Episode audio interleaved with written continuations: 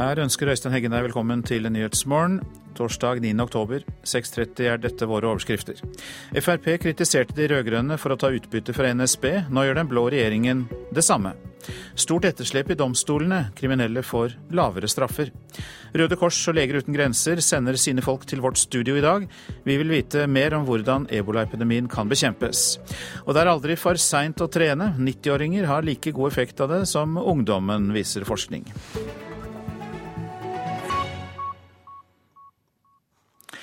Fremskrittspartiet kritiserte de rød-grønne da staten tok halvparten av det NSB hadde tjent i utbytte. Statsbudsjettet viser at når Frp er i regjering, gjør de akkurat det samme. Jeg tror dette er litt sånn for regjeringa, for å omgå handlingsregelen, så gjør de dette her og pynter på budsjettene. Det var ordene Bård Hoksrud, på den tiden opposisjonspolitiker for Fremskrittspartiet, brukte da den rød-grønne regjeringen tok ut 50% i utbytte fra statseide NSB i mai i fjor. Jeg syns det er dumt fordi NSB har et kjempe kjempeutfordringer i forhold til at det er for få toger. De trenger å bytte ut enda flere togsett.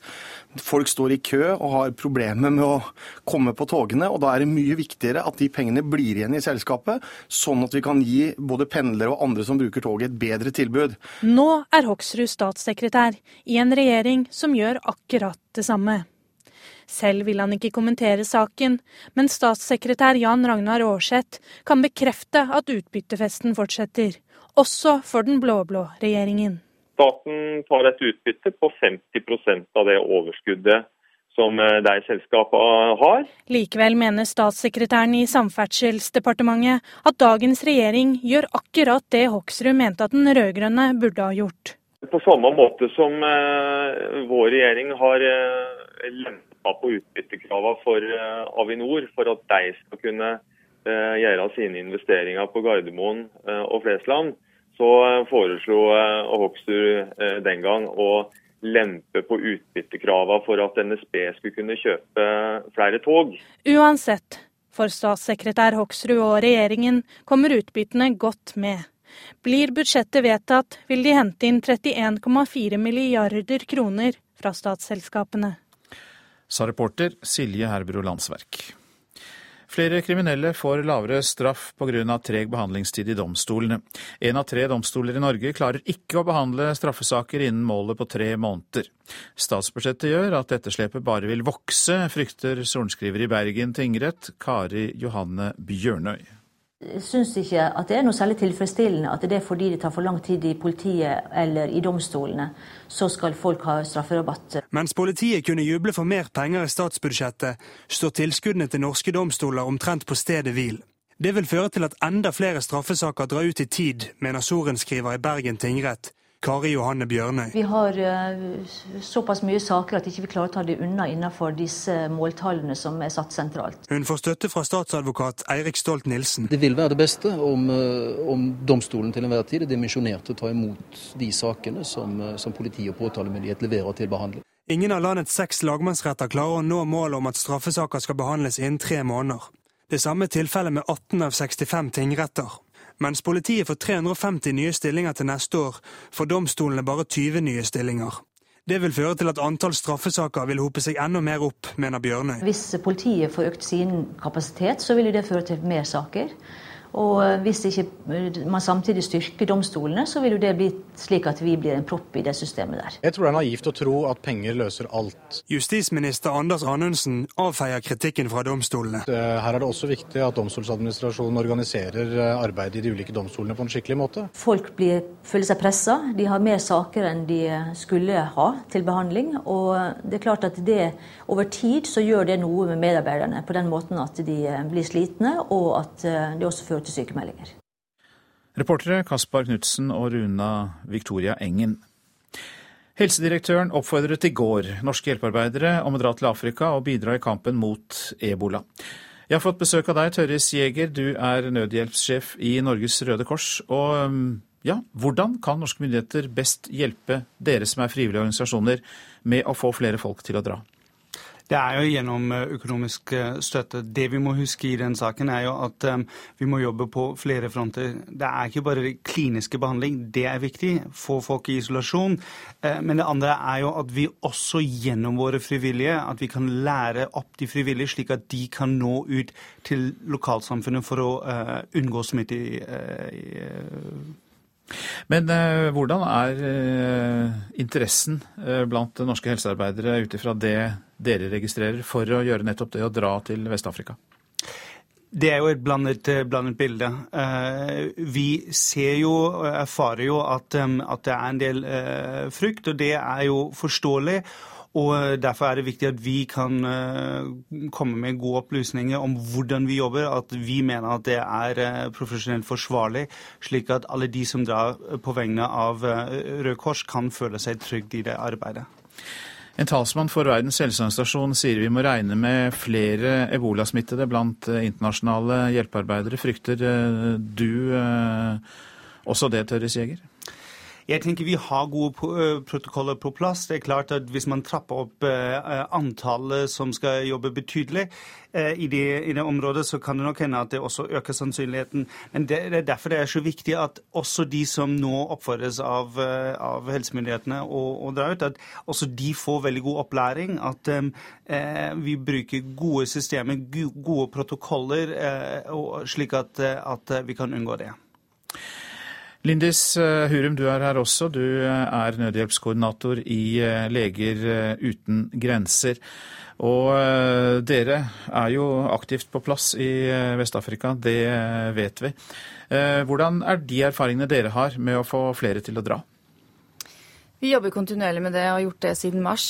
Det var vanskelig i sommer, men nå har vi, ikke, nå har vi mange som er villige til å dra.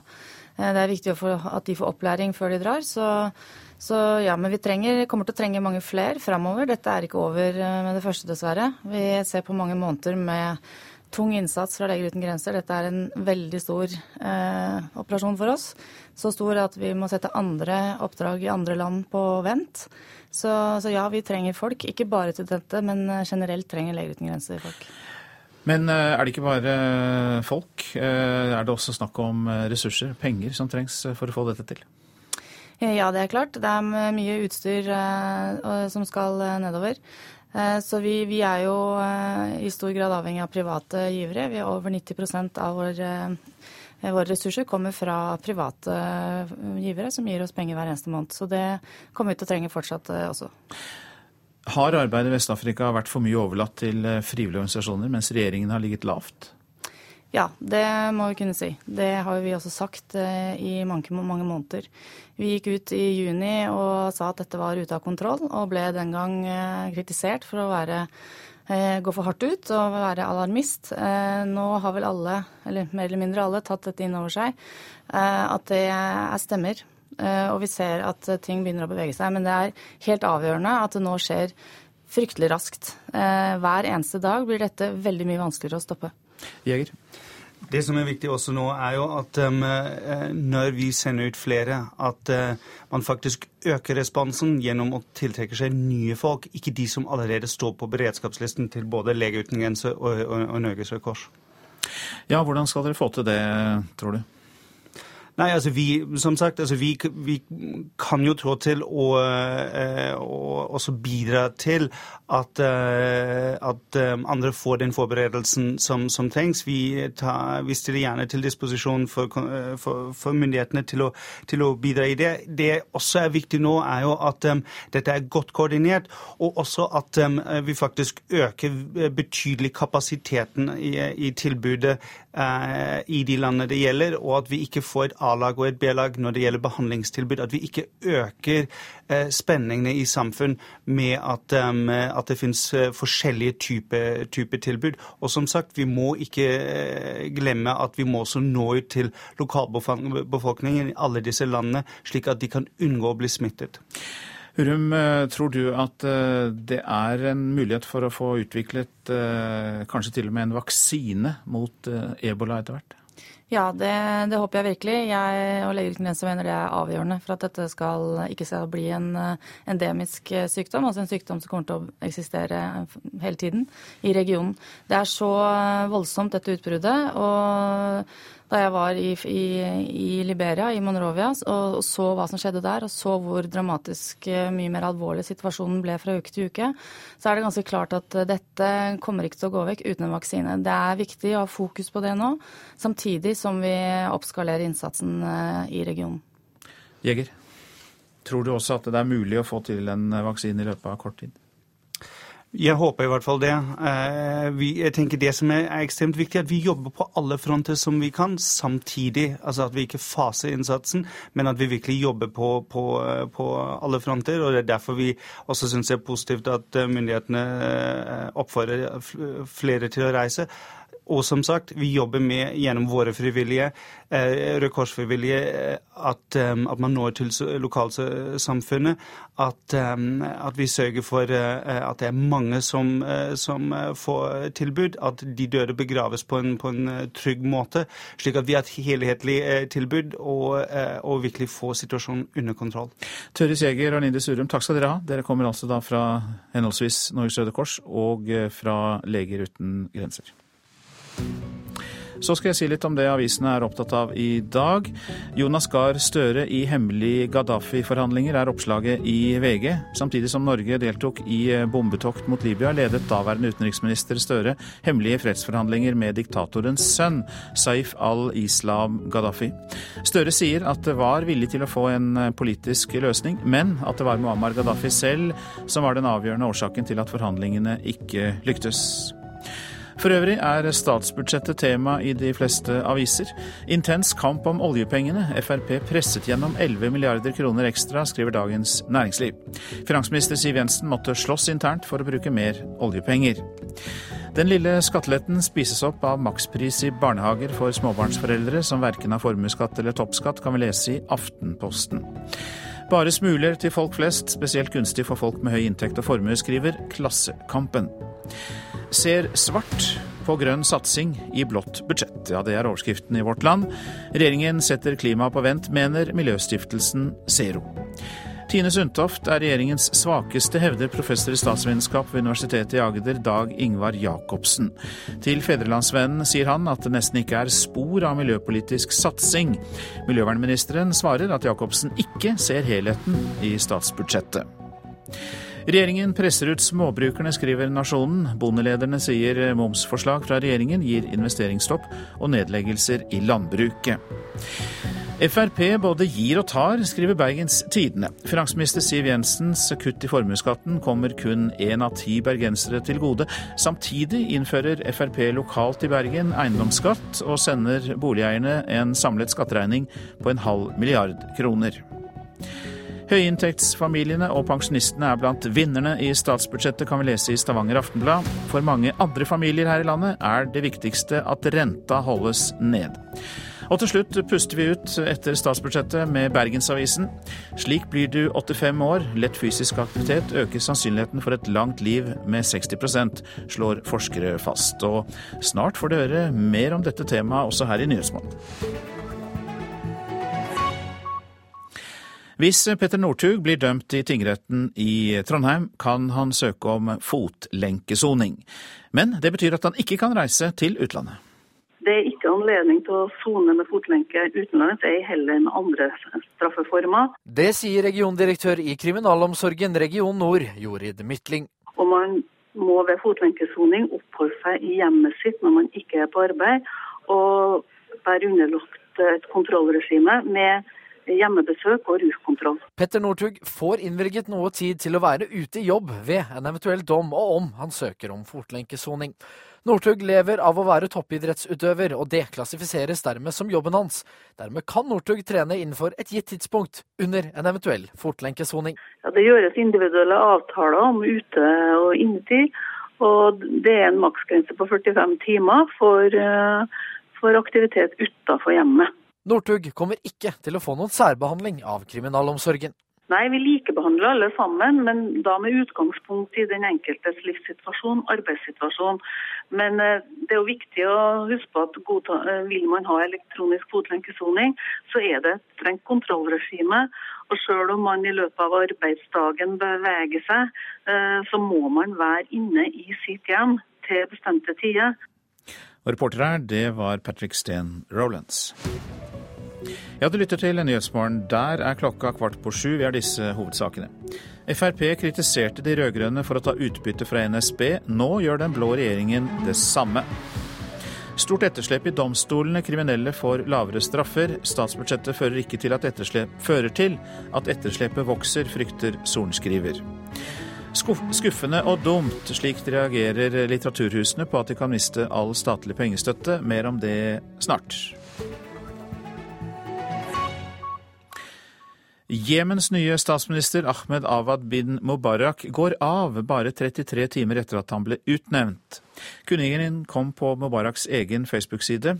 Årsaken er at en militsgruppe har varslet massedemonstrasjoner i protest mot utnevnelsen.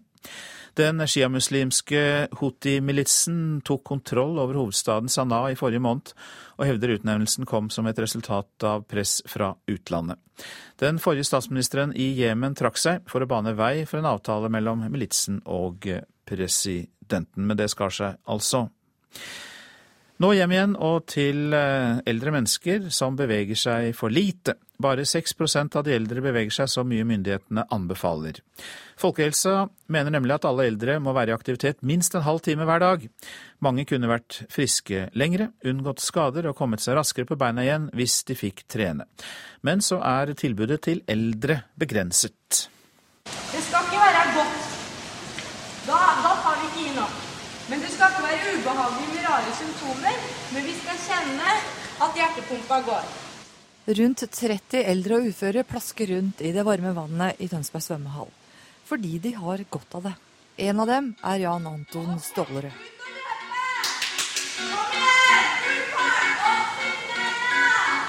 Jeg sliter med artrose og diverse. Da. Så dette her er det jeg hører punkt en gang i uka.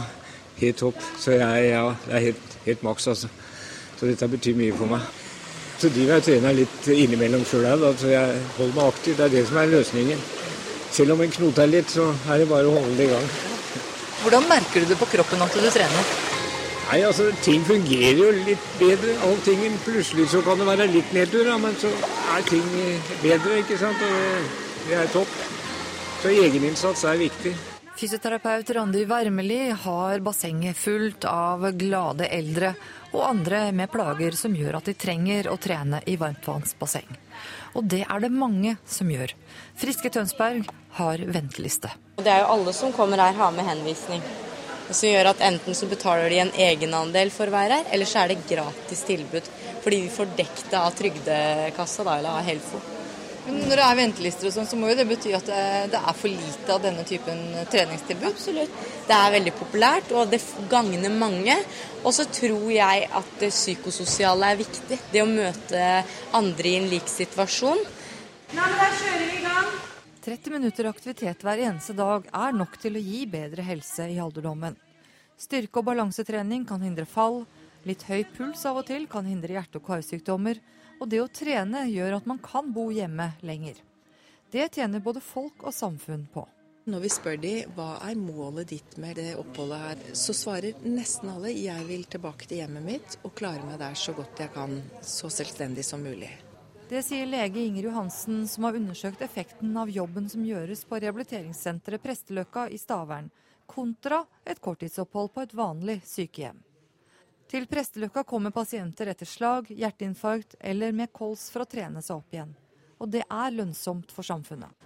Funksjonsbedringen på et sånt dedikert rehabiliteringssenter den er nesten dobbelt så høy som om man blir rehabilitert i korttidsplass på sykehjem. Og eh, den gode funksjonsbedringen oppnår pasientene på dette senteret på nesten halve tiden. Og fordi da oppholdet blir vesentlig kortere, og fordi pasientene fungerer bedre og trenger mindre hjemmetjenester når de kommer hjem, så har vi kunnet regne ut eh, ved hjelp av gode statistiske metoder at eh, hver, på hver pasient som rehabiliteres på den måten, sparer samfunnet 80 000 kroner. Hvis vi regner at vi har ca. 250 opphold på et sånt senter som det her med 16 plasser per år, så er jo det en besparelse på 20 millioner per år.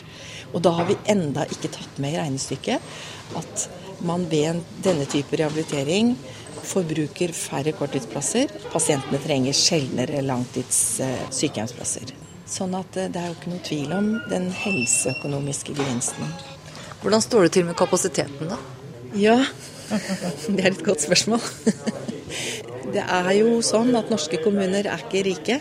Men det jeg kjemper for, det er jo at både kommuneadministrasjon og politikere må forstå at eh, det lønner seg, så kommunene må tørre å satse. Er det noe vits i å begynne å trene hvis man er 90 år og aldri har gjort det før? Absolutt. Det er aldri for sent. I den studien jeg gjorde, så, så jeg, trakk jeg ut de som eh, var over 90 år. Og så på hvordan det er med de tro i forhold til de som var litt yngre. Og så ser jeg jo det, at de kommer seg akkurat like bra.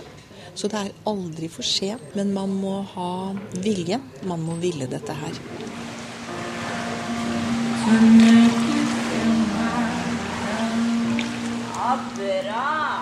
Denne reportasjen var laget av Mette Stensholt Skau. Klokken ett deles nobelprisen i litteratur ut i Stockholm, og den kenyanske forfatteren Ngui Wa Tiongo har seilt opp som en av bookmakernes favoritter. Tiongo kan bli den første vinner som skriver på et afrikansk språk, og den femte afrikanske vinner gjennom tidene. Sosialantropolog Thomas Hylland Eriksen og litteraturkritiker Anne Katrine Straume mener det er på tide med en ny afrikansk vinner. There was no television in a way, no radio, no gadgets that become with which you are fascinated. So the human voice was the only thing we had. I fjor besøkte Ngugi wa Tiongo Norge og snakket med NRK om hvordan fortellingen han hørte rundt leirbålet som liten, inspirerte han til å skrive. Nå er han sammen med Haruki Murakami bettingselskapenes store forhåndsfavoritt til nobelprisen i litteratur. 76 år gamle Tiongo har et langt forfatterskap bak seg, og blant annet skrevet romaner, teaterstykker og barnelitteratur. I 1964 ble han den første østafrikanske forfatter som ga ut en engelskspråklig roman under navnet James Ngugi. Sosialantropolog Thomas Hylland Eriksen mener Ngugi har vært viktig for afrikansk litteratur og afrikansk identitet. Men han har hatt veldig stor betydning du kan si, for en afrikansk selvrefleksjon om hva det vil si å være afrikaner. Forholdet mellom det tradisjonelle og det moderne. Forholdet til vestlig imperialisme. Eh, og han har vært med på å sette navn på en del problemer som mange afrikanere eh, går og baler med i det daglige, uten at de kunne sette navn på det selv. Så han har vært en veldig viktig intellektuell for hele det engelskspråklige Afrika. Etter å ha skrevet et regimekritisk teaterstykke i 1977 ble forfatteren fengslet. Under oppholdet i fengselet bestemte han seg for å begynne å skrive på morsmålet gikoyo, og for å gi ut bøkene under sitt fødenavn Ngugi wa Tiongo. And put me in a maximum security prison. That changed my entire relationship to both languages, intellectually and uh, politically. Da NRKs litteraturkritiker Anne Katrine Straume intervjuet Tiongo i fjor, snakket han blant annet om hvordan oppholdet i fengselet forandret hans forhold til språk og politikk i Kenya. Etter et år i fengsel jobbet Tiongo noen år under sterk sensur i landet, før han i 1982 flyktet fra landet fordi han fryktet at regimet ville drepe han. Forfatteren returnerte ikke til Kenya før i 2002, men dro igjen fra landet fordi han og kona ble angrepet. Tiongos lange forfatterskap og hans politiske innhold gjør at Anne Katrine Straume tror han har en god mulighet til å bli Afrikas femte vinner av nobelprisen i litteratur. Dessuten så har han et forfatterskap som taler mot rasisme, som taler for større demokrati. Det er både humoristisk, satirisk, kritisk. Så sånn sett så skulle han fylle alle de kravene som eh, nobelprisen setter. Selv om Straume tror Tiongo har gode vinnersjanser, syns hun det er vanskelig å forutse hvem som vinner prisen. Hun håper juryen tør å ta et overraskende valg. Det er et stort forfatterskap som kanskje ikke vi kjenner til, og som ikke er oversatt til norsk, eller kanskje ikke oversatt til et europeisk språk heller. Så, så jeg vil gjerne bli overrasket. Det, det er bare fint. Reporter her, det var Jan Nymo. Skuffende og dumt, slik reagerer lederne av litteraturhusene på at de kan miste all statlig pengestøtte. Da kulturminister Toril Vidvei presenterte kulturbudsjettet i Operaen i går, gjorde hun det klart at litteraturhusene må se langt etter penger fra regjeringen. Vidvei vil heller satse på folkebibliotekene. Dette kulturbudsjettet har en ny retning og tydelige prioriteringer. Vi øker satsingen på litteraturhus i hele landet, altså folkebibliotekene våre. Ja, det er til å misforstå. Men tallenes tale er klar. Litteraturhusene kan glemme mer støtte fra Høyre og Fremskrittspartiet. Ja, Stortinget gav et eh, tilskudd til litteraturhusene, de tre litteraturhusene for inneværende år. Men det var et engangstilskudd. Det var veldig klare signaler om at dette er et tilskudd som gjaldt for én gang. Det er jo skuffende. Hvis jeg tar det innover meg, så får det kjempestore konsekvenser. Vi drives effektivt og med bare fire fast ansatte. Um, og det er minimum av hva vi klarer. Uh, så vi er avhengig av den millionen, og den må vi skaffe til veie. Sier Kristin Helle Valle, som er daglig leder ved Litteraturhuset i Bergen. Bakgrunnen for at regjeringen dropper støtten, er at den mener folkebibliotekene kan gjøre den samme jobben, i hvert fall på sikt. I forslaget til statsbudsjett for neste år har regjeringen satt av 48,5 millioner kroner til utvikling av bibliotekene, 20 millioner mer enn i 2014. Og Vidvei vil at pengene særlig skal brukes til å styrke bibliotekenes rolle som møteplass og debattarena. De er våre viktigste kulturinstitusjoner. De er i alle bygder og byer rundt omkring i det ganske land. Vi har 428 litteraturhus, og det er det viktig for oss å støtte opp om. Ansvaret for å fordele de offentlige pengene har Nasjonalbiblioteket fått. Fra 1.11 får de en ny mann i sjefsstolen, nemlig Aslak Sira Myhre, som i dag er leder for nettopp Litteraturhuset. Kanskje ikke så rart da at han aller helst vil ha både i pose og sekk. Jeg syns det er veldig dumt uh, at at eh, Litteraturhuset i Oslo ikke får videreført den støtten som vi fikk i fjor. Men jeg har sagt fra jeg begynte på Litteraturhuset, og vil fortsette med det òg når jeg er bibliotekar, det er ikke en motsetning med Litteraturhus og bibliotek. Tvert imot er det et veldig fruktbart samspill mellom Litteraturhuset og bibliotekene. Men jeg er helt enig med Vidvei i at framtidig litteraturhusutvikling i Norge må skje i bibliotekene eller i samfunnsbibliotekene. Kulturministeren på sin side svarer dette på spørsmålet om hva hun tenker om litteraturhusenes fremtid. Det er jo opp til litteraturhusene, vi har jo ikke noe eierskap i forhold til de. Eh, de har hatt et år på seg på å forberede seg på at eh, det ikke ville komme noen statlige midler. Så jeg føler meg trygge på at eh, den virkeligheten, den har de helt sikkert tatt inn over seg. Kulturminister Toril Vidvei der, reportere Une Marvik Hagen og Petter Sommer. Så tar vi med at Den norske turistforening hadde besøksrekord på hyttene i sommer. Hittil i år har foreningens 43 betjente hytter hatt 7000 flere gjestedøgn enn samme periode i fjor. Og det er hytta Svukuriset i Femundsmarka som har hatt den største økningen i antall eh, overnattinger. Så da vi får oss værvarselet fram til midnatt. Fjell i Sør-Norge. Sørøstlig stiv kuling utsatte steder. Regn fra sør. Sludd og snø over 1300 meter. Seinere blir det sludd og snø over 1500. Østlandet. På kysten perioder med liten kuling. I ettermiddag dreier den sørlig. Det blir regn, seinere regnbyger og utrygt for torden nær kysten. Så går vi til Telemark og Agder. På kysten periodevis liten kuling, regn og regnbyger. Lokalt mye nedbør. Utrygt for torden, vesentlig da nær kysten. Rogaland og Hordaland sørøst stiv og til dels sterk kuling utsatte steder. Fra i ettermiddag sørlig liten kuling. Det blir regn og regnbyger og utrygt for torden også der. Sogn og Fjordane østlig liten kuling utsatte steder. I formiddag dreiende sørøstlig og perioder med regn. Møre og Romsdal øst og sørøst liten kuling utsatte steder. I kveld minkende, stort sett oppholdsvær. Trøndelag. Østlig liten kuling utsatte steder. Fra i ettermiddag stiv kuling, stort sett oppholdsvær. Fra utpå ettermiddagen kan det komme regn. Nordland og Troms. På Helgeland stiv kuling utsatte steder. I grensestrøkene og sør på Helgeland skyet, ellers mye pent vær. Finnmark enkelte sluddbyger eller snøbyger på kysten i øst, ellers stort sett opphold og perioder med sol. Og Nordensjøland på Spitsbergen stort sett opphold, og i kveld kan det bli litt snø. Så tar vi med oss temperaturer målt klokka fem i natt. Svalbard lufthavn minus tre, Kirkenes én grad, Vardø fire, Alta to, Tromsø-Langnes én grad. Bodø seks, Brønnøysund og Trondheim-Værnes begge med åtte. Molde ni, Bergen-Flesland elleve. Stavanger 10, Kristiansand-Kjevik 14. Gardermoen 8, Lillehammer og Røros 4 grader. Og Oslo-Blindern, der var det målt 9 grader da klokka var fem.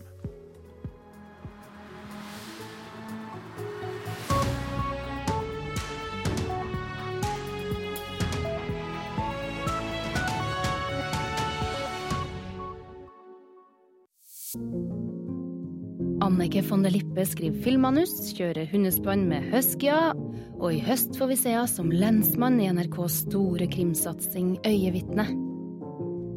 Bør sannheten alltid komme for en dag, spør vi når hun benker seg i salongen.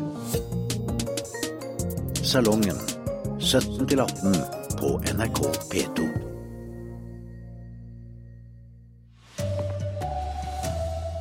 Mange funksjonshemma barn må droppe SFO fordi de ikke får ta med seg assistenten sin. Regjeringa må øremerke penger til å holde sykehusene åpne lenger, det mener Arbeiderpartiet. Her er NRK Dagsnytt klokka sju. Funksjonshemma barn må få med seg assistenten sin fra skole og over i SFO. Det krever Hege Tegler, nestleder i Handikappede barns foreldreforening. I dag gjelder ett regelsett i skolen og et annet i skolefritidsordningene. Det hindrer mange funksjonshemma barn i å leke med vennene sine etter skoletid. Jeg forventer at politikerne handler og tar tak i det lovverket som er bakgrunnen til denne problemstillinga, sånn at alle barn kan få lov å være med hele skolehverdagen og også hele SFO. Og Ifølge Kunnskapsdepartementet er det opp til kommunene å lage et tilfredsstillende SFO-tilbud. Norge hadde hemmelige fredsforhandlinger med sønnen til den libyske diktatoren Muammar Gaddafi i 2011. Forhandlingene ble ledet av daværende utenriksminister Jonas Gahr Støre, og skjedde samtidig med at Norge deltok i bombetokt mot Gaddafi-regimet i Libya. Opplysningene kommer fram i en uautorisert biografi om Støre, skrevet av Ståle Vig. Støre sjøl stadfesta til VG at Norge la til rette for samtaler mellom opposisjonen og regimet i Libya. Arbeiderpartiet kritiserer regjeringa for ikke å øremerke penger til utvida åpningstider på sykehusene neste år.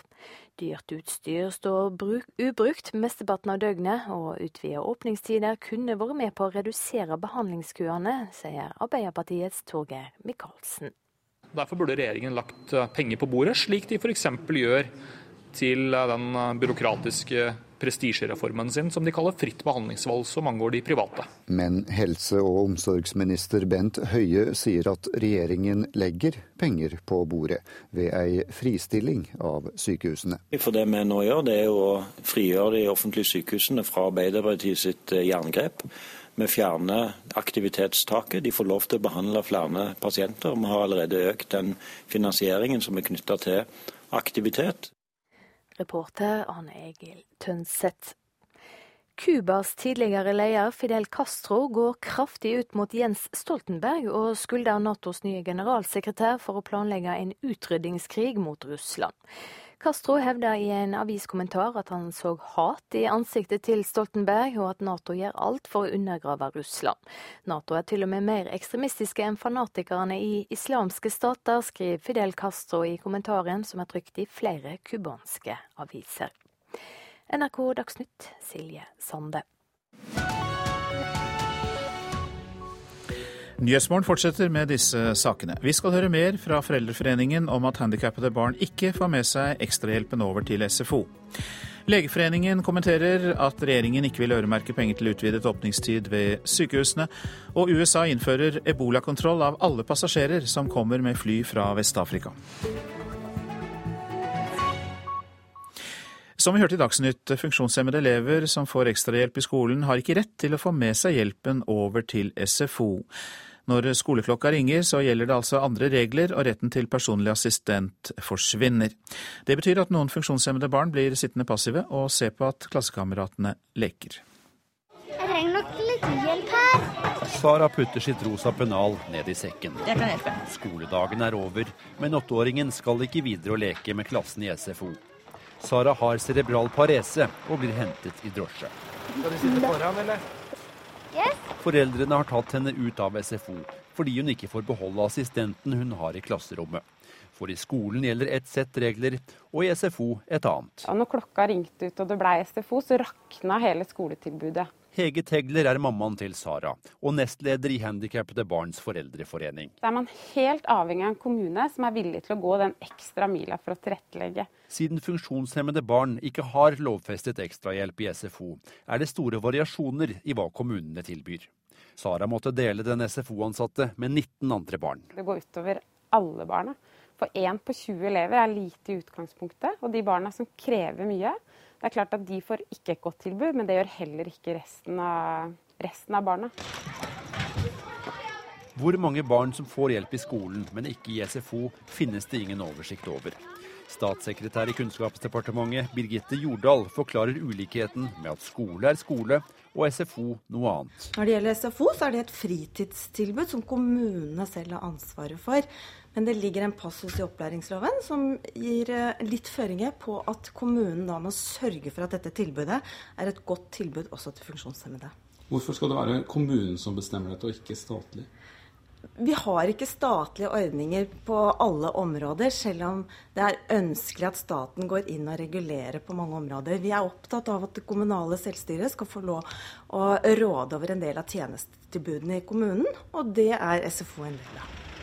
Taxien med Sara har kommet hjem. Og her venter en ny assistent. En assistent fra et annet sted i kommunen, som dermed ikke får være med i SFO. Ettermiddagene til Sara går med til leksehjelp og dukkelek med assistenten. Vekk mor, hun har blitt taus igjen. Hva skal vi henne nå, da? Dra til landsbyen. Savner du noen barn å leke med? Mm, ja, litt. Reportere her var Per Håkon Solberg og Fredrik Lauritzen. Hanne Fjæring, Fjæringby Olsen, du er leder i Handikappedes Barns Foreldreforening og med oss i Nyhetsmorgen. God morgen til deg. God morgen. Hva betyr det for disse barna da at eh, de ofte ikke kan være med på SFO? Ja, nå er det sånn at veldig mange barn benytter seg av eh, SFO. Så SFO fungerer jo som en sosial arena etter skoletid. Så det å bli utestengt pga. manglende ressurser, det bidrar jo ikke akkurat til inkludering av barn som allerede er i en utsatt gruppe. Eh, og Vi ser også at mange barn med funksjonsnedsettelser trenger litt ekstra tid og støtte for å bygge gode relasjoner med jevnaldrende. Og det er klart at Da blir det veldig vanskelig å få venner når man ikke kan delta pga. f.eks. manglende assistanse. Hvor store er de kommunale forskjellene? Ja, vi, altså, vi, ser at de kommunale forskjellene er store. og Dette handler jo veldig mye om hvordan tilbudet organiseres. Um, det finnes selvsagt gode løsninger, men vi hører om altfor mange eksempler på dårlig organiserte SFO-løsninger, som f.eks. da skyldes mangel på ressurser til nettopp praktisk assistanse for barn med bistandsbehov. Uh, og Resultatet blir ofte at disse barna får ikke hjelp til å være i aktivitet på SFO, og så blir det passive tilskuere. Men så, er jo, ja, men så er jo mange kommuner i en skvis, altså mellom nok omsorg til f.eks. eldre og hjelp på SFO. Kan du forstå at de må gjøre en prioritering? Ja, selvfølgelig. Eh, og dessverre vil jeg si koker det ofte ned til et spørsmål om ressurser. Men, men, vi tenker at dette handler like mye om organisering av tilbudet. Og det å, å ha tilstrekkelig kunnskap om et barns behov, og ikke minst vilje til prioriteringer. Eh, man har jo eh, mulighet til å organisere helhetlige Eh, tjenestetilbud til ungene, sånn at de f.eks. kan bruke brukerstyrt personlig assistanse på de arenaene hvor de befinner seg. Eh, og, eh, og det er et eksempel på en type løsning som, som kan være god. Så jeg forstår det slik at en smart organisering, eller smartere organisering, ikke nødvendigvis behøver å koste så mye mer? Ja, det vil jeg si. Mm.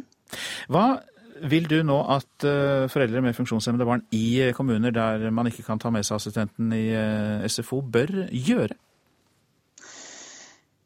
Ja, altså vi, ønsker, vi vil jo veldig gjerne ønske oss at, at man får nasjonale føringer som sier noe om, om altså Som er mer presise i forhold til beskrivelse av kvalitet i tilbudet. Og at det stilles da noen krav. Og, og, jeg tenker jo at, at uh, det å få, få, inn disse helhetlige løsningene vil kunne gi et, et, mye bedre tilbud til ungene. Tydeligere krav til kommunene, det forstår jeg at dere ønsker dere. Hanne Fjæring Bolsen, takk for at du ble med. Du er leder i Handikappedes Barns Foreldreforening. Regjeringen vil ikke tvinge sykehusene til å bruke penger på utvidet åpningstid. Det skjer til tross for at de blå partiene lenge har krevd at sykehusene skal holde dørene åpne enda noen timer, flere timer i døgnet. Målet er å få behandlet flere pasienter. Sykehus som holder åpent lenger, har vært et tverrpolitisk ønske for å få ned helsekøen. Det sier helsepolitisk talsmann i Arbeiderpartiet, Torgeir Micaelsen, og derfor er han misfornøyd nå. utvide åpningstider på sykehusene er veldig viktig. Det kan være det grepet som gjør at vi raskt kan få langt bedre behandlingskapasitet. Flere kan, slipper å vente unødvendig. Eh, og Det er det egentlig nå klart til å bli rulla ut, fordi nå er partene eh, enige som jobber i sykehusene. Eh, og Da syns jeg rett og slett det er litt oppsiktsvekkende at de ikke har bedre planer og også penger til dette som har vært en viktig sak i mange år. På norske sykehus jobber de fleste ansatte dagtid, og dyrt utstyr og operasjonssaler står uvirksomme store deler av døgnet. Tidligere kartlegginger viser at behandlingsrom med det dyreste utstyret er i bruk så lite som fire timer i døgnet på hverdager. Legene har gått med på én time utvidet rammetid i døgnet til klokka 18, for nettopp å kunne behandle flere og utnytte ressursene bedre. Det er jo ikke så mye. Nei, men bare den timen. Eller at man i mange sykehus kunne hatt uh, operasjonsstuene åpne til klokka tre eller klokka fire. hadde vært et stort framskritt uh, ved mange sykehus. Mange steder uh, opereres det ja, kun tidlig ettermiddag. og Grunnen til det er jo da et, en blanding av ressurser, men også at man har hatt et avtaleverk som ikke har vært moderne nok. Nå er man enige om å utvide med minst én time. Det burde man da igangsatt konkrete prosjekter med penger fra regjeringens side. Sier Arbeiderpartiets helsepolitiske talsmann Torgeir Micaelsen. Regjeringen foreslår å øke bevilgningene til sykehusene med to milliarder kroner på 2015-budsjettet. Og i denne rammen ligger også penger til bl.a. utvida åpningstider, sier helse- og omsorgsminister Bent Høie. For Det vi nå gjør, det er å frigjøre de offentlige sykehusene fra Arbeiderpartiet sitt eh, jerngrep. Vi fjerner aktivitetstaket. De får lov til å behandle flere pasienter. Vi har allerede økt den finansieringen som er knytta til aktivitet. Vi har lagt opp til en eh, aktivitetsvekst nå som eh, hvis den regner gjennomsnittlig, innebærer at sykehusene får muligheten til å behandle 36 000 pasienter flere enn i år. Og i år har vi òg eh, den høyeste budsjetterte aktivitetsveksten noensinne. Reportere her, det var Line Tomter og Arne Egil Tønseth. God morgen til deg, president i Norske legeforening, Hege Gjessing. Nå trenger vi hjelp fra deg her til å vurdere dette, fordi Arbeiderpartiet sier her at det er bare å rulle ut denne ordningen, det trengs bare mer penger. Mens regjeringen sa, som vi hørte nettopp, at det er jo bevilget to milliarder, og at dette, dette tvangsgrepet fra Arbeiderpartiet nå er borte. Er, hvor ligger sannheten her? Min vurdering er at budsjettet når det gjelder sykehusene er oppsiktsvekkende svakt, fordi helseministeren har lovet 12 eh, milliarder mer over fire år. Altså, det skulle vært 3 milliarder, og nå er det to. Og han har eh, selv sagt at de er 700 millioner kroner på etterskudd. Så jeg vil si at eh, Micaelsen har rett når han sier at det vil kreve mer penger. Altså det, det vil jo egentlig kreve mer folk, da, hvis du skal få til økte poliklinikker utover kveldene. For vi har gjort den enigheten i avtalen som, som de snakker om, det er riktig. Men det vil kreve fler. For vi har ikke avtalt utvidet arbeidstid for hver enkelt lege. Nei, men Hva betyr den avtalen da? Den betyr at det er rom for å jobbe noe mer i noen av sykehusene hvis sykehusene bestemmer seg for det, men ikke med de samme personene. Da må du ha noen flere som kan gjøre den jobben. Eller sånn som det er i dag, så kan du fremdeles avtale med de som jobber der allerede, at de skal jobbe enda mer. De jobber allerede godt over 100% Så løsningen er da uansett å ansette flere for å få lengre åpningstid? Ja, hvis du skal ha poliklinikker utover kveldene, så må du enten avtale med de du har allerede nå, eh, at de jobber enda mer, eller så må du ha flere. For det er ikke nok kapasitet i systemet. Vi har undersøkt det. Du kan ikke flytte. Man kunne tenkt seg at man kunne flytte noen fra tidlig på dagen utover mot kvelden. Det er det ikke rom for, for sykehusene er sprengte. Det er veldig, veldig høyt belegg i sykehusene nå. Høyere enn det som er bra for pasientsikkerheten. Og vi har en bekymring på det. Så hva tror Legeforeningens president om sykehuskøene framover? Eh, det er jo mulighet eh, for å gjøre noe med køene hvis, eh, hvis, man legger inn de ressursene som trengs. Og da mener jo jeg at helseministeren ikke har gjort det med dette budsjettet. Og at det er nødvendig med flere folk hvis man skal få til å ta ned køene. Men uh, hva kan legene bidra med mer her, i tillegg til den uh, ekstra timen? At det er litt i og ta på begge sider? Ja, så Vi mener jo vi har bidratt nå. Det er ca. 12 000 leger i norske sykehus. Og vi har gjort en undersøkelse som viser at de allerede jobber ca. 3000 årsverk ekstra. Og, og, det er ingen andre yrkesgrupper som har så vide unntak fra arbeidsmiljøloven som det leger i Norge har. Og, og det er allerede kveldspoliklinikker på alle helseforetakene i Norge det har vi også undersøkt. Så legene står klare, men det er jo da eh, sykehusstyrere og ledere som må legge til rette for dette. Og så må det passe overens med budsjettene. Og det gjør det ikke nå. Vi vet at det er noen sykehus som har stengt ned poliklinikker fordi de ikke har råd til å ha de oppe. Takk til deg i denne omgang. Hege Gjessing, du er president i Den norske legeforening. Dette er Nyhetsmorgen. Klokka den passerte nettopp kvart over sju. Vi har disse hovedsakene. Mange funksjonshemmede barn må droppe SFO fordi de ikke får ta med seg assistenten sin. Regjeringen må øremerke penger til å holde sykehusene åpne lenger, mener eh, Arbeiderpartiet. Og uh, unge gidder ikke gå på fotballkamp. Andre aktiviteter er mer forlokkende enn å sitte på en tribune. Mer om det snart. I morgen reiser eh, Nato-sjef Jens Stoltenberg til den tyrkisk-syriske grensen. Hensikten er å se trusselen fra terrororganisasjonen IS på nært hold. Det er ingen tilfeldighet at Stoltenberg besøker Tyrkia i sin første ordentlige uke som generalsekretær i Nato. Fordi Nato nå opplever trusler og usikkerhet både i øst og i sør. Tyrkia er det landet som er mest eh, rammet, i størst grad merker eh, den volden, den usikkerheten vi ser både i Syria og Irak. Så nær har ekstremistene kommet at Tyrkia kan se det svarte IS-flagget vaie på syrisk side av grensen. Det er en veldig dramatisk og veldig alvorlig situasjon, eh, både i Irak og eh, Syria. Men på vei til Tyrkias hovedstad Ankara i fly i går kveld hadde Jens Stoltenberg ingen løfter om militær bistand med seg. President Erdogan har ønsket et samarbeid om bakkestyrker. Frykten er at den syriske grensebyen Kobani kan falle i ekstremistenes hender. I går kveld gikk IS inn med stridsvogner i byen. Samtidig gjennomførte amerikanerne massive flyangrep.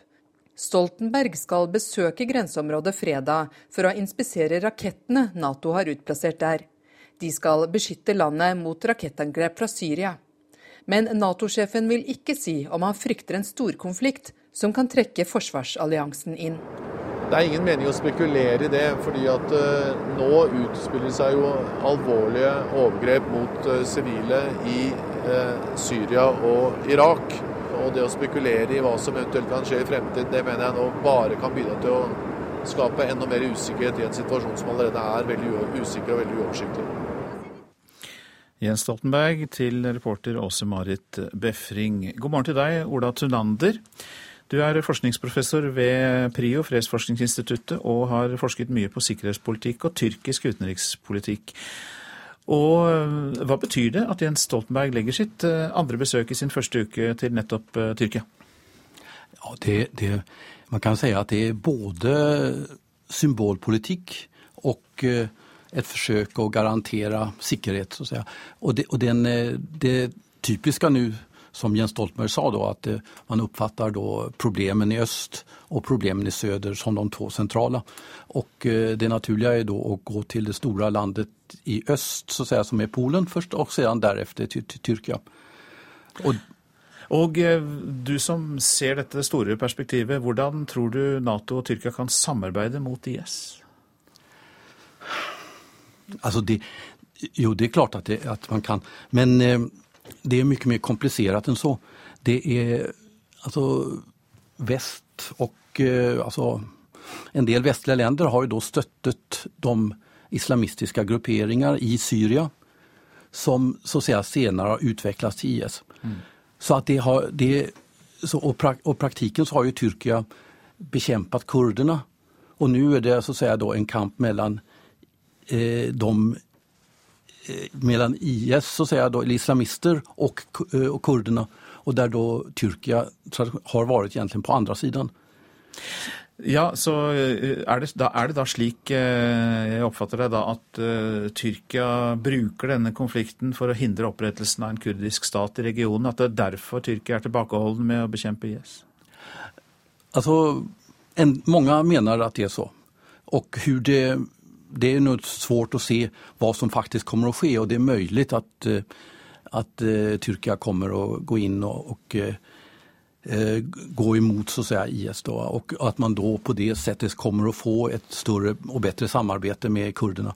Men just nu så är det eh, stora demonstrationer i eh, turkiska byer med en hel del døde også, kurdere.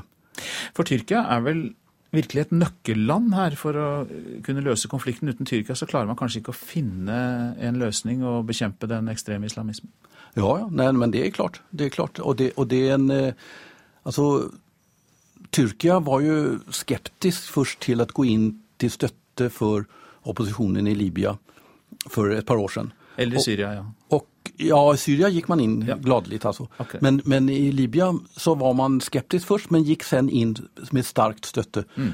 Då till islamisterna. Och det är samma islamister som förde över styrkor och vapen från Libya till Syria som senere har då bekämpat Assad og da ställde Tyrkia opp på islamisternas sida mot Assad.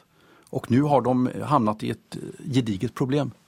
Avslutningsvis, det vi da skal huske på her, eh, som du sier, Ola Tenander, er at Tyrkia da faktisk har støttet islamistene både når det gjaldt konflikten i Libya og konflikten i Syria. At det nå i så fall må dreie seg om en snuoperasjon hvis de skal eh, gå mot IS. Ja, det kan man si. Mange takk. Du er forskningsprofessor ved Fredsforskningsinstituttet PRIO. I går døde en ebolasmittet mann på sykehus i Texas i USA. Mannen hadde blitt smittet på en reise til Liberia. Amerikanske myndigheter innfører nå tiltak ved fem flyplasser. Et av dem er febermåling av passasjerer fra Vest-Afrika. Det forteller USA-korrespondent Tove Bjørgaas. Det er første gang i nyere tid at USA går til et så drastisk tiltak. Fra førstkommende lørdag, de begynner i New York, så vil altså alle passasjerer som, som, kommer fra disse landene bli tatt til side. Eh, og De må svare på spørsmål, og så vil feberen deres bli målt. Så da er det faktisk slik at eh, alle som kommer fra land i Vest-Afrika rammet av ebola, skal testes? Ja, det skal de. Og de aller fleste av disse passasjerene de kommer fra Europa. Det er dit de kommer før de flyr videre til eh, USA. Det gjorde også Thomas Eric Duncan, som døde på sykehuset i Dallas i går. Han kom med et fly fra Brussel til Washington den 20. september. Og det er det amerikanske myndigheter nå forsøker å unngå. Men man spør seg også hvor effektive disse tiltakene vil være, og hvor kompliserte de vil bli å gjennomføre. Hvor opptatt og bekymret er det amerikanske folk eh, over ebola-situasjonen? Dette tilfellet i Texas har skremt mange, fordi det viste at sykehusene her ikke er spesielt klare for å ta imot smitte. Denne mannen ble avvist fra sykehuset eh, og lå syk i flere dager før han kom tilbake til sykehuset og altså da var så syk at han etter hvert eh, døde. Men samtidig så tror jeg ikke folk er veldig redde for å bli smittet. Fokuset også her er jo på det som skjer i Vest-Afrika. og som både president Obama og andre ledere her har sagt gang på gang, så er den eneste måten å hindre at ebola kommer til USA og til Vesten på, å bekjempe sykdommen i Liberia, Sierra Leone og Guinea. Så skal Norges utenriksminister Børge Brende delta på et møte i Washington om eh, ebola. Fortell oss mer om hva som blir viktig å få fram på dette møtet. Dette er et møte i forbindelse med årsmøtet i Eh, pengefondet og Verdensbanken her eh, i dag. Eh, der skal både Ban Ki-moon, FNs generalsekretær, sjefene for både Verdensbanken og pengefondet være til stede, sammen med, med Brende og enkelte andre utenriksministre. Men også de tre presidentene fra de tre landene som er rammet, vil delta på dette møtet. Og Fokuset skal være hva det er de trenger, hvordan verden kan få hjelpen raskere fram. Eh, hjelpe disse samfunnene til å holde seg oppe i den voldsomme krisen de står midt oppi. Så et blikk på avisene. Jonas Gahr Støre i hemmelige Gaddafi-forhandlinger er oppslaget i VG. Samtidig som Norge deltok i bombetoktene mot Libya, ledet daværende utenriksminister Støre hemmelige fredsforhandlinger med diktatorens sønn, Saif al-Islam Gaddafi. Støre sier det var vilje til en politisk løsning, men at det var Muammar Gaddafi selv som var den avgjørende årsaken til at forhandlingene ikke lyktes. For øvrig er statsbudsjettet tema i de fleste aviser. Intens kamp om oljepengene. Frp presset gjennom 11 milliarder kroner ekstra, skriver Dagens Næringsliv. Finansminister Siv Jensen måtte slåss internt for å bruke mer oljepenger. Den lille skatteletten spises opp av makspris i barnehager for småbarnsforeldre som verken har formuesskatt eller toppskatt, kan vi lese i Aftenposten ser svart på grønn satsing i blått budsjett, skriver Vårt Land. Regjeringen setter klima på vent, mener miljøstiftelsen Zero. Tine Sundtoft er regjeringens svakeste, hevder professor i statsvitenskap ved Universitetet i Agder, Dag Ingvar Jacobsen, til Fædrelandsvennen. Miljøvernministeren svarer at Jacobsen ikke ser helheten i statsbudsjettet. Regjeringen presser ut småbrukerne, skriver Nasjonen. Bondelederne sier momsforslag fra regjeringen gir investeringsstopp og nedleggelser i landbruket. Frp både gir og tar, skriver Bergens Tidende. Finansminister Siv Jensen eh, kutter i formuesskatten, men det kommer kun én av ti bergensere til gode. Samtidig innfører Frp lokalt i Bergen eiendomsskatt og sender boligeierne en samlet skatteregning på en halv milliard. Høyinntektsfamiliene og pensjonistene er blant vinnerne i statsbudsjettet, kan vi lese i Stavanger Aftenblad. Men for mange andre familier her i landet er det viktigste at renta holdes nede. Og så til slutt kan vi puste ut med Bergensavisen. Slik blir du 85 år, står det der. Lett fysisk aktivitet øker sannsynligheten for et langt liv med 60% ifølge forskere. De unge går ikke på fotballkamp. Kommersiell direktør i Viking, Dag Ave Ove Aksland, mener at fotballen må ta et krafttak for å få flere tenåringer tilbake på tribunene. Men de unge de er troløse og velger annen underholdning. Det er ikke så attraktivt, på en måte. Altså For eksempel Oilers lager jo mye mer show enn uh, Vikinger. Da blir det jo med en gang mer interessant. Det blir enklere å sette seg i sofaen og se på TV, det må jeg si. Tendensen er klar. Flere og flere unge velger data og sofa framfor tribune og norsk fotball. Og skal det først på kamp, så må det være noe helt spesielt. På forrige år så har jeg vært på én, var på Anfield. De unge svikter norsk fotball, og i Viking merker de godt denne tendensen, sier kommersiell direktør Dag Ove Aksland. Ehm, på Viking nå så ser vi det at snittalderen er for å si det sånn altfor høye. Det er altfor få tenåringer. Viking har ikke eksakte tall som viser denne tendensen, men alt tyder på at det er mindre attraktivt blant unge å gå på kamp. Nå er det sånn at eh, fjernsynet og sosiale medier gir deg en unik mulighet til å kunne velge det du er mest opptatt av sjøl. Og da er det sånn at eh, du velger, du utforsker på en helt annen måte nå eller hva du gjorde tidligere. Både unge og voksne har svikta Viken denne høsten. Og lørdag toppa det seg, da bare 2939 satt på tribunen i Jåttåvågen, mens 4200 heia fram Oilers til ishockeyseier. Blant de unge er det ikke tvil om hvem som er mest attraktive akkurat nå. Fordi hockey er mye kjekkere. Det er mye mer som skjer på kampene. Det er så mye bedre og kjekkere kamper. Det er mer som skjer.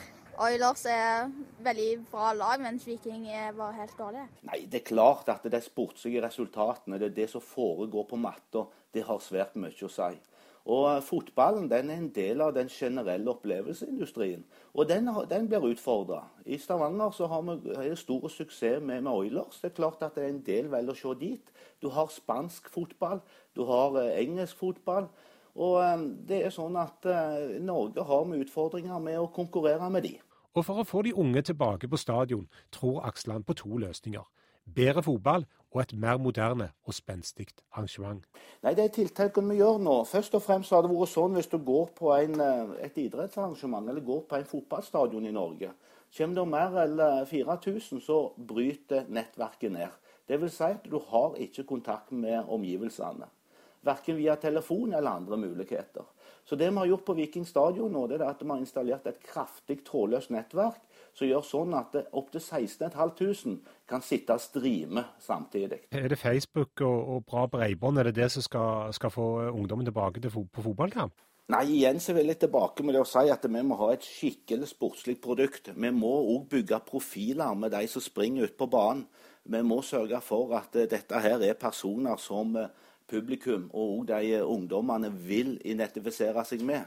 Det òg gjør vi via at vi kan ha digitale spillerkort, og vi kan sørge for at du får nærmest et personlig intervju med spillerne. Iallfall føles sånn.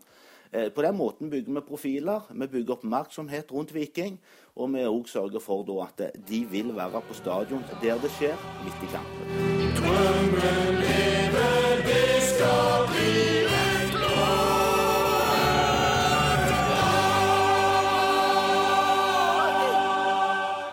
Den reportasjen her var laget av Øystein Ellingsen.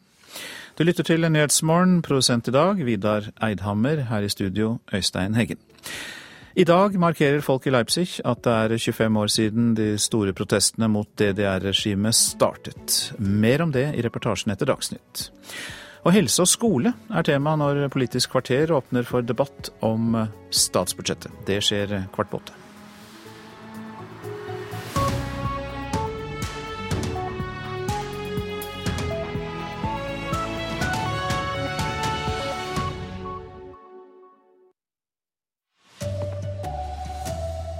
Norge leier hemmelige fredsforhandlinger med Gaddafi samtidig som norske fly bomber Libya.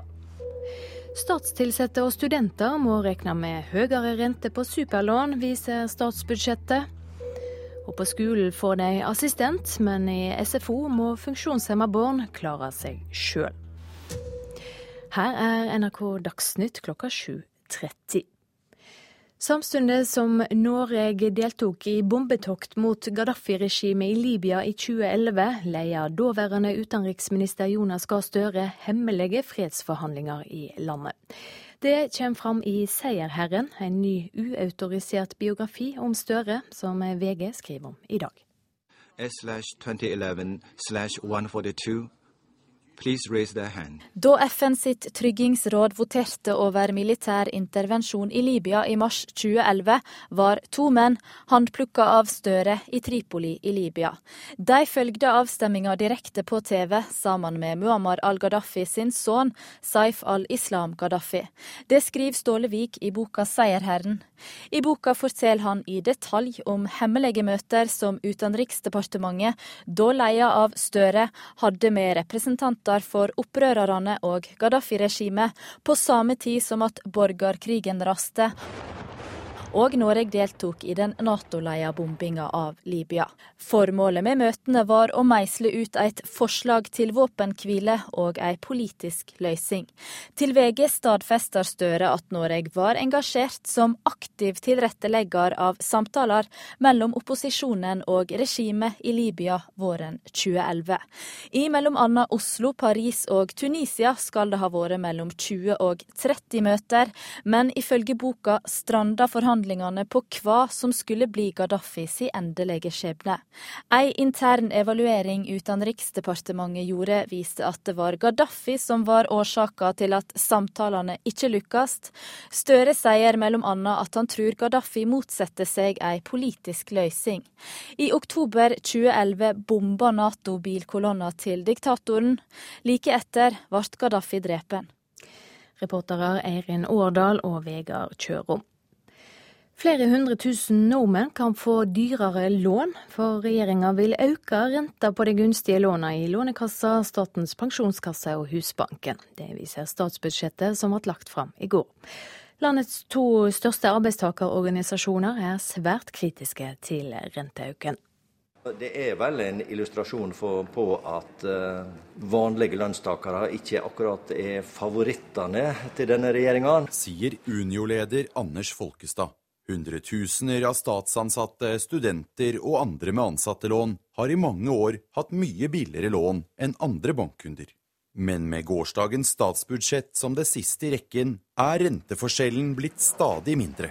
I tillegg til det de gjorde i fjor, så får jo dette stor betydning for enkeltmennesker. Ja, det er det ikke tvil om. Sier LO-leder Gerd Kristiansen. For det siste året har først de rød-grønne og så de blå gjort lånene fra bl.a. Statens pensjonskasse, Lånekassa og Husbanken ett prosentpoeng dyrere på ett år. Statstilsatte skal eh, nærmest eh, straffes gjennom disse grepene fra regjeringa. Renta på boliglån er en del av totalpakka folk vurderer når de går inn i en sånn jobb. Men neste år vil statslånene sannsynligvis fortsatt ha en rente på under 3% påpeker finansminister Siv Jensen fra Frp. Eh, det rentenivået vil fortsatt ligge langt under det som er rentenivået for alle andre. Sånn at det å eh, bidra til en viss normalisering i et samfunn som har veldig lav rente, det mener jeg er helt rimelig. Reporter Sindre Heierdal. Fremskrittspartiet mente de rød-grønne prioriterte helt feil da staten tok halvparten av NSB sitt utbytte. Statsbudsjettet viser at når Frp sjøl sitter i regjering, gjør de akkurat det samme. Vi skal høre hva Bård Hoksrud sa i mai i fjor. De trenger å bytte ut enda flere togsett. Da er det mye viktigere at de pengene blir igjen i selskapet, sånn at vi kan gi både pendlere og andre som bruker toget, et bedre tilbud. Nå er Hoksrud statssekretær i en regjering som gjør akkurat det samme. Selv vil han ikke kommentere saken, men statssekretær Jan Ragnar Aarseth kan bekrefte at utbyttefesten fortsetter. Staten tar et utbytte på 50% av det overskuddet som eh, de selskapene har. Likevel mener statssekretæren i Samferdselsdepartementet at dagens regjering gjør akkurat det Hoksrud mente at den rød-grønne burde ha gjort. På samme måte som eh, vår regjering har eh, lempa på utbyttekravene for eh, Avinor for at de skal kunne eh, gjøre sine investeringer på Gardermoen eh, og Flesland, så eh, foreslo Hoksrud den gang å lempe på utbyttekravene for at NSB skulle kunne kjøpe flere tog. Reporter Silje Herbro Landsverk. Amerikanske og jordanske kampfly gjennomførte i natt nye flyåtak mot terrororganisasjonen IS utenfor byen Kobani i Syria, like ved den tyrkiske grensa. Kurdere inne i Tyrkia jubler mens de ser på de amerikanskledede flyangrepene mot byen Kobani, også kalt Ain al-Arab. Ekstremistgruppa IS har de siste dagene tatt mer og mer kontroll over den syriske grensebyen. Men natt til i dag skal amerikanske og jordanske kampfly ha slått kraftig tilbake. Biz Kürdüz. Ölümüne buradayız. Vi er kurdere, og Kobani vil bety slutten for IS, sier en av tilskuerne. Mange av dem har slektninger i byen, og er frustrerte over at de ikke kan gå inn og hjelpe til selv. Til tross for IS fremmarsj de siste dagene, er det ifølge amerikanerne fortsatt den kurdiske militsen som kontrollerer mesteparten av den strategisk viktige grensebyen. Men veien mot å knuse ekstremistgruppa er likevel lang, og USAs president sier de vil fortsette angrepene. Uh, our strikes continue uh, alongside our partners. It remains a difficult mission. Uh, as I've indicated from the start, this is not something that is going to be solved overnight. Reporter Guri Nordstrøm. Cubas tidligere leder Fidel Castro går kraftig ut mot Jens Stoltenberg og skylder Natos nye generalsekretær for å planlegge en utryddingskrig mot Russland. Castro hevder i en aviskommentar at han ser hat i ansiktet til Stoltenberg, og at Nato til og med er mer ekstremistiske enn fanatikerne i islamske stater. Funksjonshemma barn som har personlig assistent i skolen, får ikke med seg hjelpa over til skolefritidsordninga. For medan assistenten i skolen er lovfesta, finnes det ingen slike retter når det ringer ut og SFO-dagen starter. Det betyr at en del funksjonshemma barn ikke kan gå i SFO, medan andre blir sittende passivt og se på at klassekameratene leker. Jeg trenger nok litt hjelp her. Sara putter sitt rosa pennal ned i sekken. Jeg kan hjelpe. Skoledagen er over, men åtteåringen skal ikke videre og leke med klassen i SFO. Sara har cerebral parese og blir hentet i drosje. Skal du sitte foran, eller? Yes. Foreldrene har tatt henne ut av SFO fordi hun ikke fikk beholde assistenten hun hadde i klasserommet. For i skolen gjelder ett sett regler, og i SFO et annet. Og når klokka ringte ut og det blei SFO, så rakna hele skoletilbudet. Hege Tegler er mammaen til Sara, og nestleder i Handikappede barns foreldreforening. Da er man helt avhengig av en kommune som er villig til å gå den ekstra mila for å tilrettelegge. Siden funksjonshemmede barn ikke har lovfestet ekstrahjelp i SFO, er det store variasjoner i hva kommunene tilbyr. Sara måtte dele den SFO-ansatte med 19 andre barn. Det går utover alle barna. For én på 20 elever er lite i utgangspunktet. Og de barna som krever mye, det er klart at de får ikke et godt tilbud, men det gjør heller ikke resten av, resten av barna. Hvor mange barn som får hjelp i skolen, men ikke i SFO, finnes det ingen oversikt over. Kunnskapsdepartementet forklarer ulikheten med at skole er skole og SFO et frivillig tilbud der kommunene har ansvaret. Taxien med Sara har kommet hjem. Og her venter en ny assistent. En assistent fra et annet sted i kommunen som dermed ikke får være med i SFO. Ettermiddagene til Sara går med til leksehjelp og dukkelek med assistenten. Vekk mor, hun har blitt taus igjen.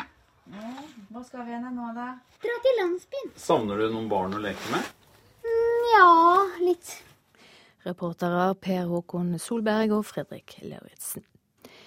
I dag starter rettssaker mot langrennsløper Petter Northug i Sør-Trøndelag tingrett. Han er tiltalt for promillekjøring etter bilkrasjen i mai, og flere andre lovbrudd, bl.a. falsk forklaring. Det er ventet at Northug vil vedgå straffskyld for alle seks lovbruddene han er tiltalt for. Ansvarlig for eh, Dagsnytt denne morgenen, Jean Erik Bjørnskau. Teknisk ansvarlig, Frode Thorshaug.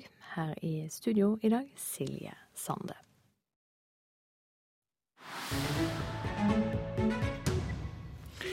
Du lytter til eh, Nyhetsmorgen. I dag markerer folk i Leipzig at det er 25 år siden de omfattende protestene mot DDR-regimet. Protestene spredte seg deretter til andre tyske byer, og én måned seinere falt Berlinmuren. Dette er flygebladet fra den 9. oktober 1989. Vi er ett folk, kalte vi det. Den tidligere presten Kristoff Wonneberger henter frem et eksemplar av teksten som ble spredt i tusentall, og som runget over kirkeplassen i den østtyske byen Leipzig denne høstdagen for 25 år siden.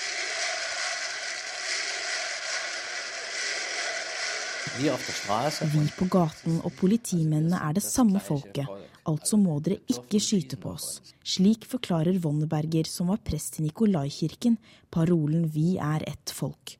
Til tross for at han ble overvåket av Stasi, organiserte presten den såkalte fredsbønnen hver mandag, som ble et samlingspunkt for motstandsbevegelsen i DDR. I forberedelsene til protestene var kirken viktig fordi det ikke fantes noe annet sted i DDR hvor man fremdeles hadde en relativ frihet, forklarer presten. Ved å bruke kirken som eneste lovlige samlingspunkt lyktes motstanderne av DDR-regimet gjennom regelmessige møter å samle 70 000 mennesker til det som skulle bli den første av mange store demonstrasjoner frem til Berlinmurens fall en måned senere.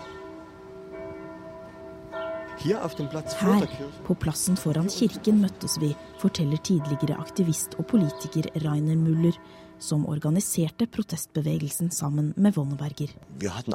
Vi var alle redde og gikk ut ifra at vi kunne bli beskutt denne kvelden, at militæret kunne komme til å angripe oss, og at det sannsynligvis ville ende med sårede og muligens døde, forteller Muller.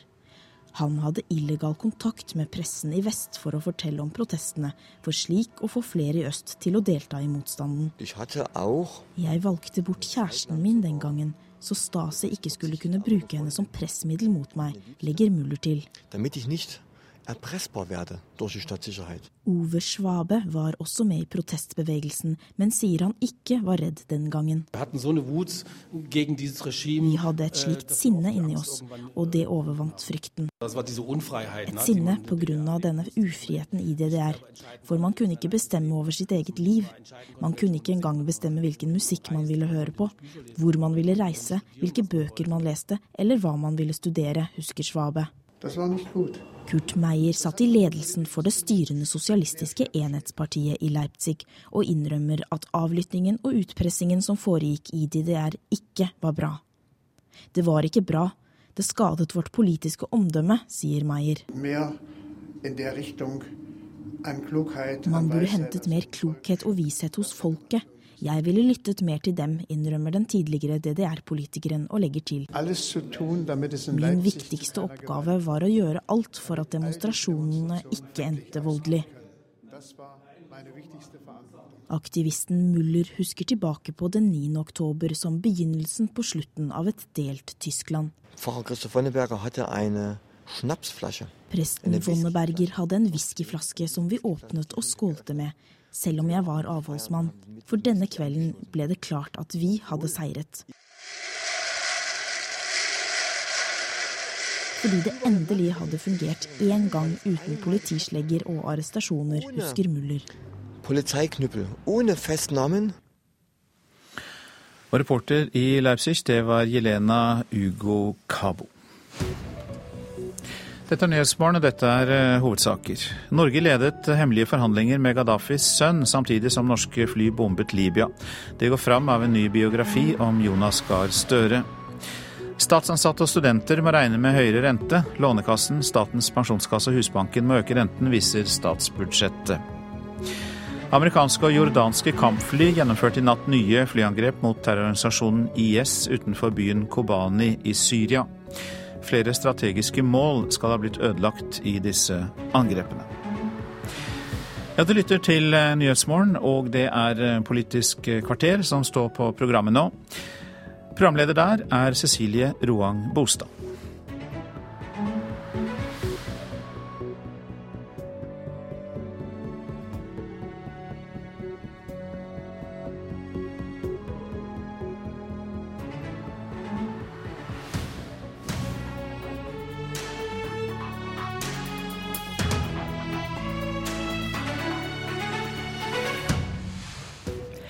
To stolte fedre som har fått barn med Siv Jensen, kommer til Politisk kvarter. Og to andre som ikke liker det de ser. Sykehusbudsjettet er pinlig dårlig, sier Torgeir Micaelsen. Og regjeringens skolesatsing er avlyst, hevder Trond Giske. God morgen og velkommen til Politisk kvarter. Ja, Helse- og omsorgsminister Bent Høie, velkommen i studio. Torgeir Micaelsen, helsepolitisk talsmann fra Arbeiderpartiet, velkommen til deg også. Sykehusbudsjettet er pinlig dårlig, hevder Arbeiderpartiet her. Er dette svartmaling fra Arbeiderpartiet? Ja, jeg hadde iallfall syntes det hadde vært spennende å høre hva Torgeir Micaelsen da hadde beskrevet de budsjettene som hans egen regjering la fram. For det er det som Høyre og Fremskrittspartiet har fått, ved, fått vedtatt og foreslått i de to helsebudsjettene vi har lagt fram, innebærer en uh, høyere vekst i pasientbehandlingen enn det de rød-grønne klarte å få vedtatt gjennom sine åtte år. Så hvis dette er pinlig, så lurer jeg på hva ord han hadde brukt om sin egen regjerings budsjett. Her legger vi opp til en uh, høy vekst i pasientbehandlingen. 2 milliarder, over to milliarder kroner. Men det som òg gjør, som er vel så viktig, det er jo at vi nå slipper de offentlige sykehusene fri fra Arbeiderpartiet sitt jerngrep. Uh, de har ikke lenger et tak på antallet pasienter de kan behandle. Vi har økt finansieringen for, de, for den aktiviteten uh, de gjør, og de òg har muligheten f.eks. til å til å leie utstyr som de kan bruke, hvis de ser at det er en flaskehals. Som har fått en god arbeidsavtale med legene, som òg gjør at vi nå kan åpne sykehusene litt lenger utover ettermiddagen. Så dette kommer til å føre til at flere pasienter får behandling. Og vi òg ikke minst tar i bruk nå den ledige kapasiteten som er hos private, og innfører en veldig viktig pasientrettighetsreform, som er fritt behandlingsvalg. Torgeir Micaelsen, står du fast ved at det er pinlig? Ja, jeg synes det var vel egentlig oppsiktsvekkende. Og så kan jeg godt legge det pinlig, men jeg syns ikke de karakteristikkene er de viktigste. Jeg synes Høie men hva er, veldig, galt? Altså, Høie er veldig opptatt av å ha sånn fortidsseminar. ikke sant? Han sier at Arbeiderpartiets jerngrep om sykehusene altså sitat, nå er fjernet. Vel, det taket var det Høyre sist ti år, for ti år siden som innførte. Fordi det var kaos i sykehusene. Så ble det videreført gjennom deler av vår tid. Men Høie skriver selv i budsjettmaterialet til Stortinget i fjor at det ikke har blitt styrt noe særlig hardt på det kravet i det hele tatt. Så dette er altså å fjerne et krav som det ikke har vært noe særlig substans i det hele tatt. Det jeg har sagt er at vi nå må se framover. Hva er det sykehusene og pasientene trenger?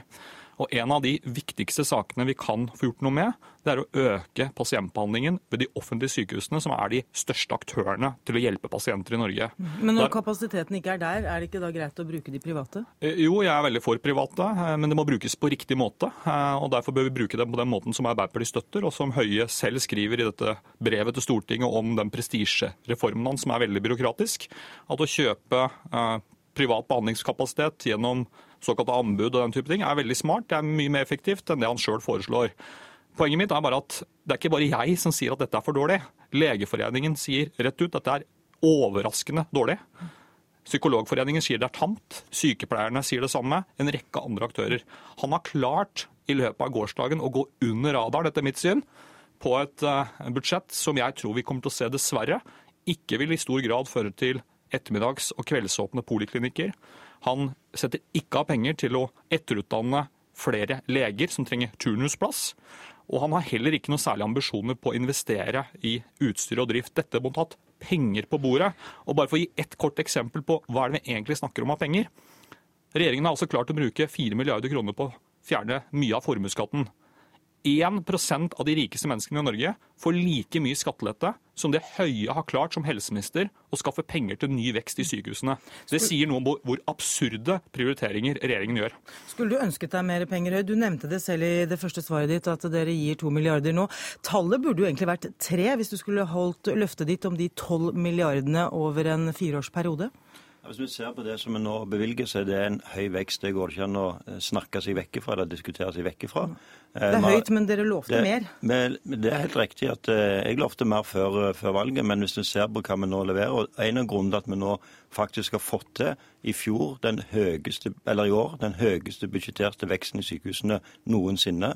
I år foreslår, eller Til neste år foreslår vi òg en veldig høy vekst. er jo nettopp fordi vi òg hadde høye ambisjoner på dette området. Så ligger på, ser de to årene i sammenheng, så ligger 700 millioner kroner i år bak det som var løftet før valget. Men det er altså i et budsjett med høy vekst og på over 130 milliarder kroner. Eh, og Det betyr at vi leverer. Men det er ikke, som jeg sa, dette handler ikke bare om penger. Dette handler også om en ny helsepolitikk, og det legger vi òg opp til i dette budsjettet. Ja, for Pasientene her bør vel kanskje være i fokus. Ja. Blir, er det noe igjen til dem her? Ja, absolutt. Og den eh, veksten som vi nå legger opp til, betyr, hvis du regner gjennomsnittlig, at 36 000 flere pasienter enn det vi har i år, og det er altså innenfor en rekordvekst, kan få eh, behandling. I tillegg så innfører vi en veldig viktig reform, som er fritt behandlingsvalg. og Det gjør vi først for de pasientene som har de største behovene, rusavhengige og mennesker med psykiske helseutfordringer.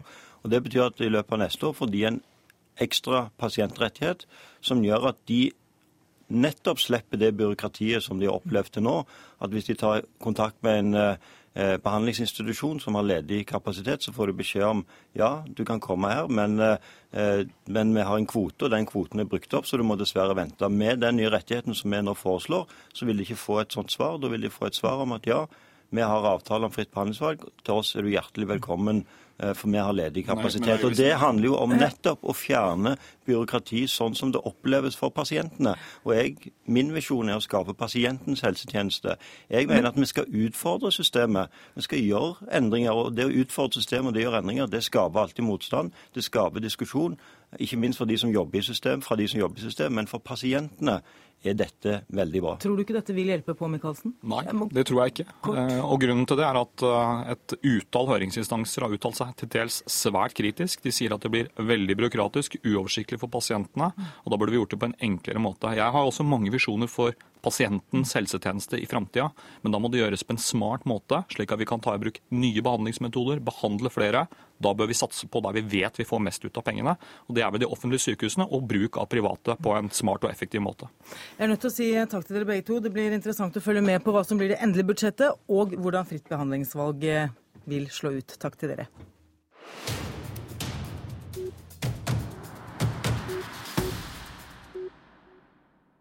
Ja, Mens eh, helsebudsjettet var på vei ut døra her, hadde jeg nær sagt, så får vi skolefolket inn her. Torbjørn Røe Isaksen, kunnskapsminister, velkommen. Trond Giske, kunnskaps-, og utdanningspolitisk talsmann for Arbeiderpartiet, velkommen til deg òg.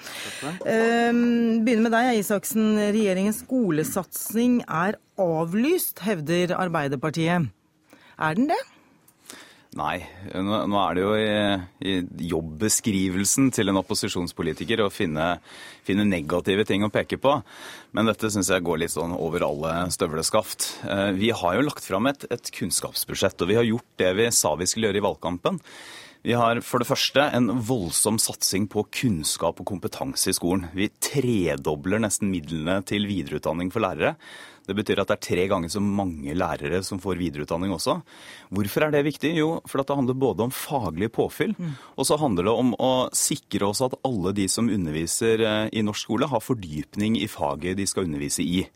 Dessuten så er det gode nyheter her for kommunene, som får mer midler til å pusse opp skoler og svømmebasseng. Og så er det flere andre nyheter, f.eks. på realfagskommuner. Så skal vi bruke 90 millioner neste år på å bekjempe frafallet i skolen. Det mener jeg også er en viktig videreføring. Giske, er ikke dette en skolesatsing?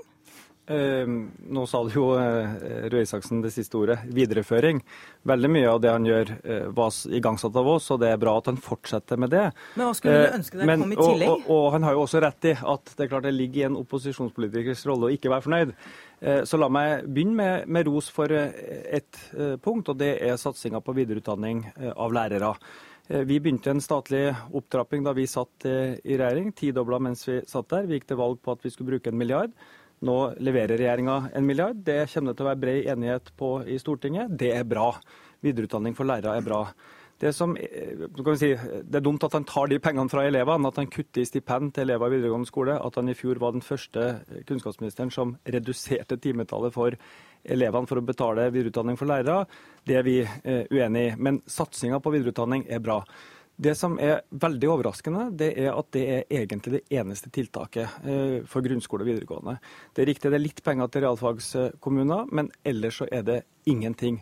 På side 32 til 92 i budsjettet så står alt om grunnskole og videregående, og dette er altså den eneste satsinga. Altså, du mener at videreutdanning av lærere er det eneste de Eneste løftet i dette budsjettet. Og det som er så tragisk, er at det er brei enighet om hva som trengs i skolen. Eh, lærerne trenger mer kunnskap, helt sikkert, men de trenger først og fremst mer tid. At vi ønsker å eh, gi læreren muligheten til å gjøre jobben sin. Eh, ha nok lærertetthet. Men det er altså ingenting til flere lærere. Det er ingenting til støttefunksjonene. Det er ingenting til å redusere byråkratiet. Det er ingenting til tidlig innsats. Det er ingen ny satsing på, som ble løfta opp som et tema, yrkesfag, frafallet. Alt dette er altså borte fra et budsjett som bruker 17 milliarder mer av oljepenger, og han har tapt den kampen om disse pengene. Røe Isaksen, har du tapt den kampen? Nei, nei, altså hvis man ser på tallene her, så er det ikke noe tvil om at dette er et historisk godt kunnskapsbudsjett. Eh, hvis man ser ikke bare på skole, hvor vi trapper opp og oppfyller da Arbeiderpartiet kom i valgkampen. Men, men, men Giske hevder at det bare er videreutdanning videreutdanning av lærere? Nei, det, det, det, nei, nei, det, stemmer jo ikke. Altså, men det er jo viktig at vi gjør det vi sa i valgkampen. Eh, og nå, hadde, nå tipper vi over en milliard på videreutdanning av lærere. Og det er jo nettopp også viktig for tidlig innsats. La meg bare ta et eksempel. En fjerdedel av lærerne som er i barneskolen, mange av de gjør en fantastisk innsats, men en fjerdedel har ikke fordypning i faget de skal undervise i. Da er det f.eks. en fantastisk mulighet det å få ta videreutdanning f.eks. i hvordan du skal formidle og lære bort matematikk på barnetrinnet. Eller hvordan du skal lære og små barn å knekke lesekoden. Det er viktig. Og så er det riktig som Trond Giske sier, at vi reduserer stipendet.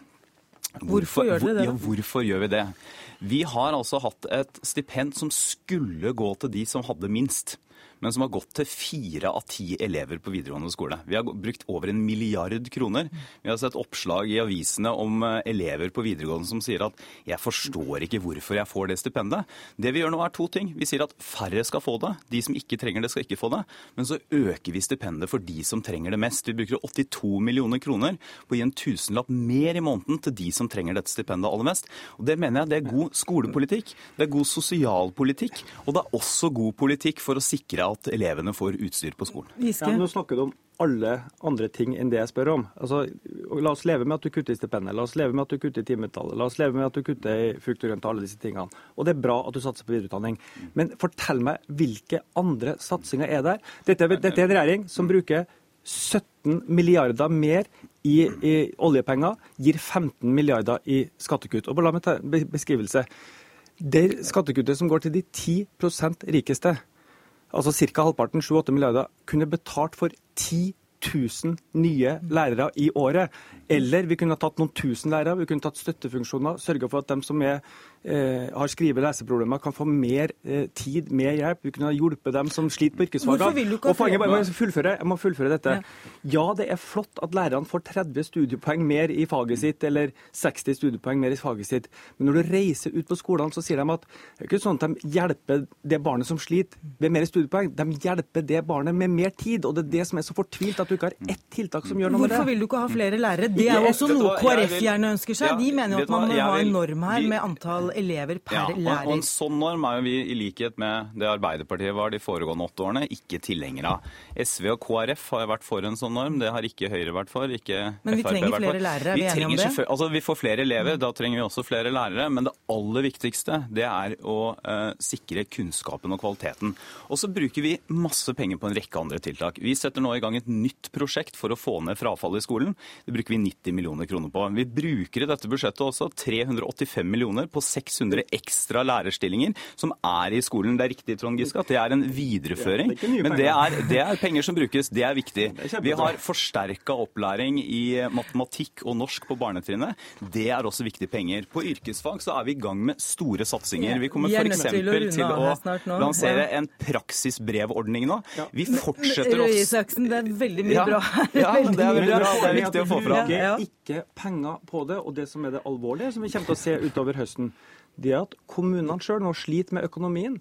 Eh, Så i mange kommuner vil vi se kutt i skolene fordi at kommuneøkonomien ikke holder til. Kommuneøkonomien vil nok bli ganske spennende interessant å følge med på. Vi er nødt til å avslutte her. Takk for at dere kom i studio. Politisk kvarter i dag var ved Cecilie Roang Bostad.